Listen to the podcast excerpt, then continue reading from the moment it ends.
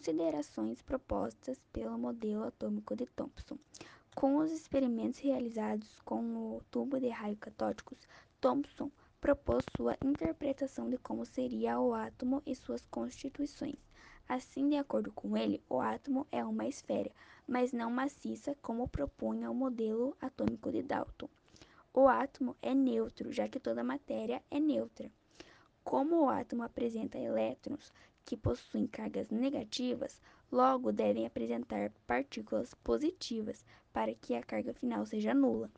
Os elétrons não são fixos ou presos no átomo, podendo ser transferidos para outro átomo em determinadas condições.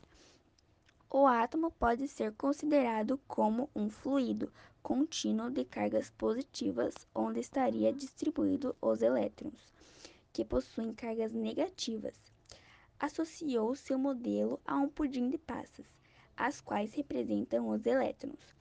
Como os elétrons que estão espalhados apresentam a mesma carga, existem entre eles uma repulsão mútua o que faz com que estejam uniformemente distribuídos na esfera.